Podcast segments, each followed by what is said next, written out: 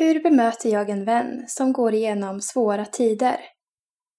En artikel av Frida Kristina Nilsson. Hej! Frida Kristina Nilsson här, psykolog och författare till boken Äg dina känslor som kommer ut i vår. Hur ska man agera när en vän är deppig? Fråga hur vännen mår. Då visar du att du bryr dig.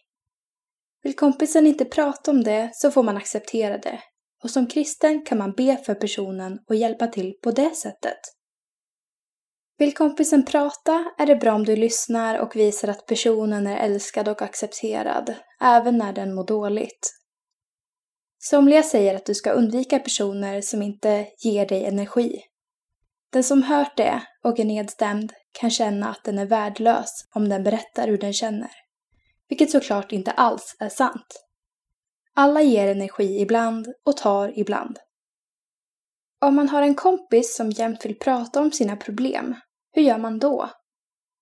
Någon som fastnat i att älta hur den mår eller i besvikelser den mött kan man försiktigt hjälpa att lyfta blicken.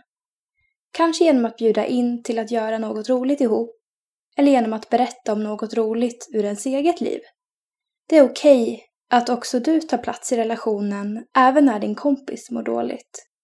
Sund sorg eller deppighet går i vågor, så den som mår dåligt behöver ta en paus från de tankarna och fokusera på något annat ibland. Det kan du hjälpa till med. Kommer personen någonsin att må bättre? Deppiga personer kan känna att det inte finns någon ljusning. Det finns det.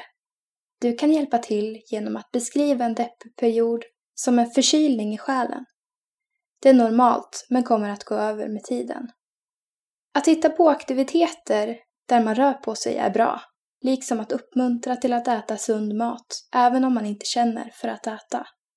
Det hjälper personen att må bättre. Om det inte verkar bli bättre efter en månad, eller om du känner dig oroad över att din vän kan skada sig själv, så uppmuntra kompisen att söka hjälp hos en vuxen. Funkar inte det rekommenderar jag att du själv pratar med en vuxen så att du inte måste bära tyngden själv. Finns det några bibelord som kan hjälpa personen och ska man be tillsammans? Vill kompisen be med dig så gör gärna det.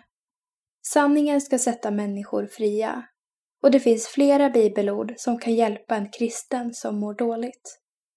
Låt oss ha blicken fäst på Jesus så att ni inte tröttnar och tappar modet. Hebreerbrevet kapitel 12, vers 2-3 visar att det är naturligt att tappa modet när man fokuserar på omständigheter runt omkring och att det finns en väg ut. Filipperbrevet kapitel 4, vers 6 som fokuserar på tacksamhet är också ett uppmuntrande bibelord. Läs också efterföljande vers, som du kan läsa innan ni ber. Det uppmuntrar oss att sätta ord på vad vi är tacksamma över i livet.